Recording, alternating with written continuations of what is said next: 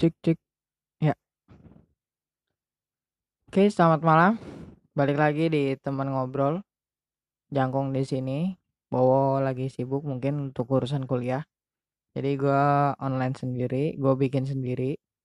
Uh, kali ini gue mau ngobrol apa ya tentang mungkin tentang yang sekarang baru-baru ini kali ya PSBB di wilayah Banten ya kebetulan daerah gue juga kena kan PSBB Nah, yang berlaku dari tanggal 18 kemarin itu sebenarnya apakah dibilang efektif?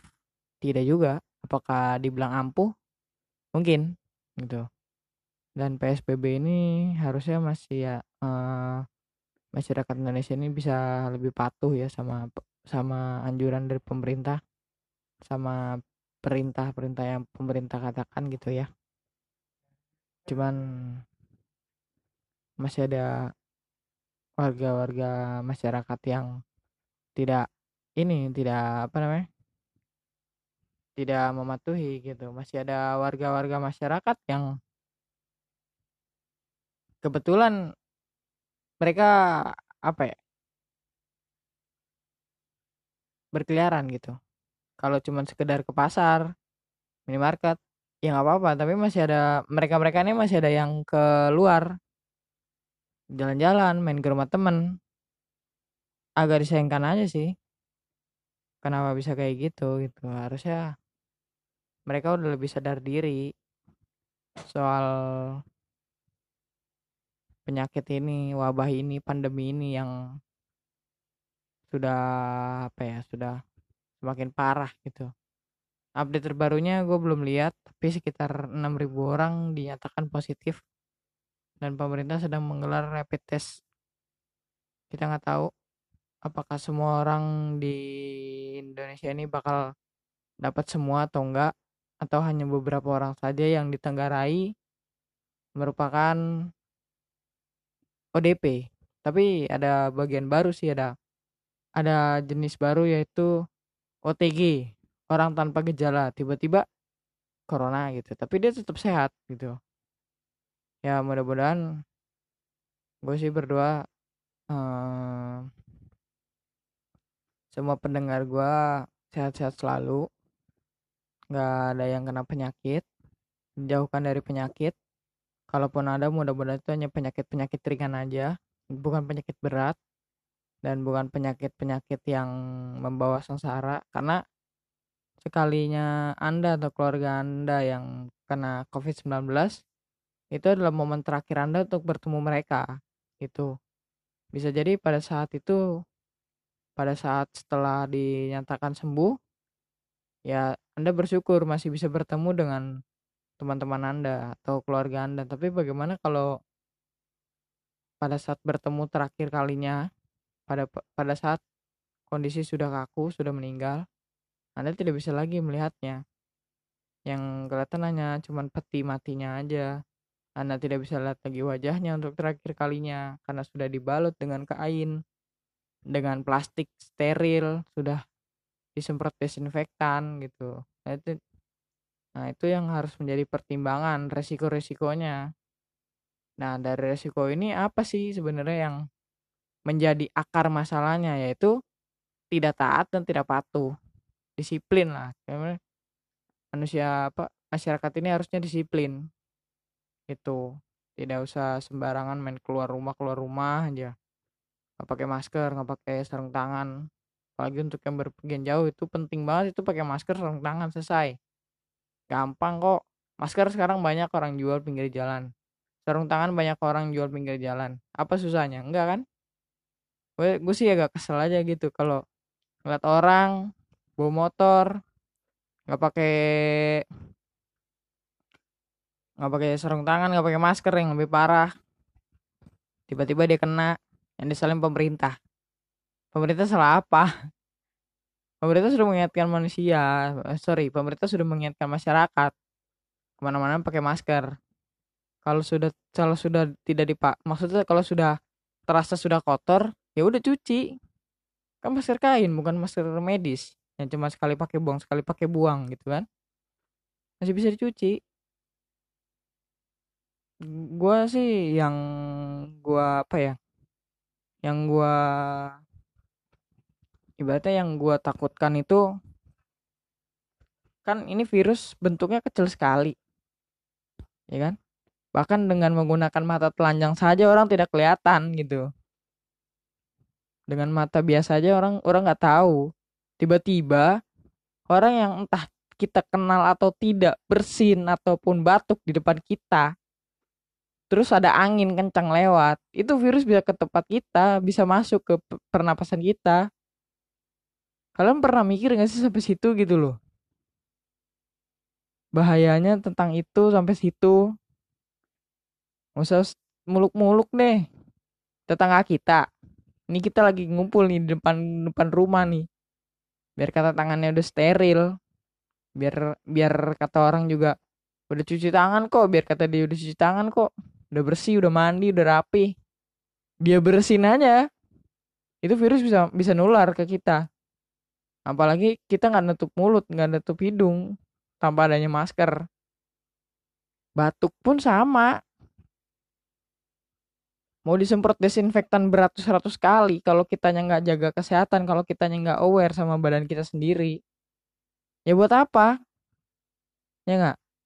Susah itu gue sih apa ya gue sih menyarankan ya udah di di dipatuhi saja anjuran dari pemerintah. Jangan bandel jangan ngoyo lu bukan dewa. Badan lu juga gak kuat-kuat amat buat nanganin virus ini satu ya kan? Nggak usah macem-macem lu jadi manusia jangan merasa sok kuat. Oh gue badan gue kuat kok bisa nahan virus. Belum tentu juga. Lu flu uh, misalkan gini ya jangankan corona ya covid 19 ya. Lu flu aja nih temen lu ada yang flu. Besoknya lu pasti bisa kena kalau imun lu nggak bagus. Gitu. Jangan menganggap remeh sesuatu.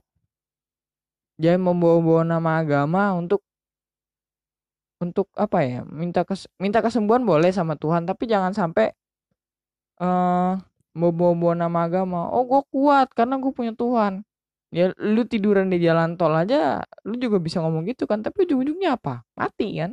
Sama gak usah menyempelekan kita tetap jaga kesehatan jaga jaga jaga awareness kita atau kesigapan kita juga disiplin dengan atur pemerintah dan buat kalian yang masih bekerja kayak gue gue kan juga masih kerja nih.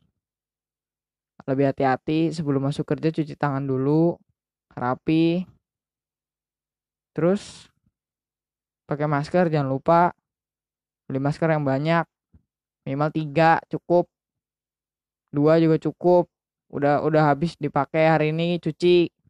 Buat besok jemur. Itu seharian kok semalaman juga kering kok gampang itu cepet dan juga apa ya ini kan Tangerang ini kan udah mulai diberlakukan PSBB ya. Tapi masih banyak orang berkeliaran. Tadi kan udah ya.